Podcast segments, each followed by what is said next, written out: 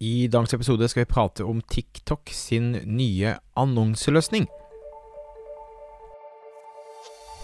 Stadig flere små bedrifter i Norge oppdager at med riktig markedsføring kan man utfordre de store, tradisjonelle bedriftene. At ved å ha fokus på å bygge gode relasjoner og opparbeide seg tillit, kan små bedrifter oppnå store ting. Velkommen til podkasten 'Suksess med Facebook-annonsering'. Mitt navn er Thomas Moen fra Moen Co. Vi er et mediebyrå som hjelper små nettbutikker å vokse. I denne podkasten kommer vi med ukentlige råd, tips og strategier som du kan implementere i din bedrift. Om du er helt ny på annonsering, kan du komme i gang ved å gå til moenco.no start for vårt gratis introduksjonskurs. Hjertelig velkommen tilbake. I dag skal vi snakke om TikTok. TikTok er en spennende annonseplattform. Har du godt innhold, så er TikTok en av de aller uh, billigste uh, kanalene å annonsere akkurat nå. Det vil si at uh, CPM-prisen, kost per 1000 visning, er vesentlig mye lavere. Vi ser helt ned i 20 kroner for å vise annonsen din til 1000 mennesker.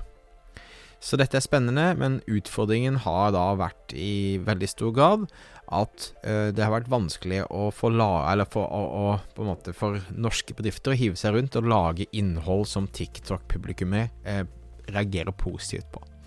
Det tror jeg handler mye om at det er en litt annen dynamikk enn uh, på tradisjonelt på, på, Instagram og det man har sett der. Og nå har akkurat TikTok delt at de har eh, lagd en ny annonseløsning som har fått navnet Branded Missions. Um, og det er rett og slett da en mulighet for å da utfordre de som lager innhold på TikTok, til å lage sponset innhold for deg. Altså crowdsource innhold. Så hvordan dette kommer til å fungere, og jeg kommer til å linke til, eh, til artikkelen i, i shownotes fra TikTok, men eh, annonsøren har da muligheten til å opprette en challenge og si at eh, vi betaler x antall eh, kroner for, eh, for, den videoen vi velger å bruke til annonsene våre.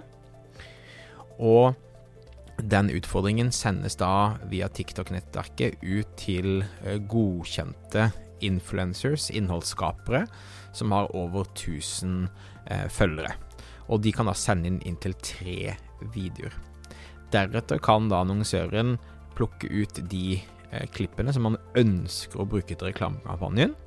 Og da vil også da eh, automagisk TikTok, basert på eh, på en måte betalingsløsningen du har i TikTok eh, fra før av som bedrift, eh, utbetale honoraret til de influenserne som man velger å gjøre innhold fra.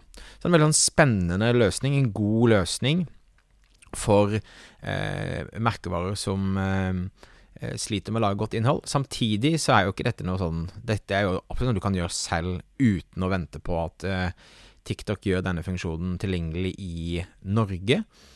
Så eh, hva vi har anbefalt mange av de vi gjør annonser for, eh, eller kjører annonser for i Monoco på TikTok, er jo å ta kontakt med eh, tiktokere, norske tiktokere som måtte prate rundt din eh, kategori. Eh, sånn som vi har en kunde som heter Hobbyhimmelen. Eh, hobbyhimmelen.no, og de har da kontaktet do it yourself-tiktokere i Norge som er flinke på å lage innhold. Uh, og så har de da um, da gjort en avtale der de tiktokerne produserer TikToks for de, som de kan bruke både organisk og betalt.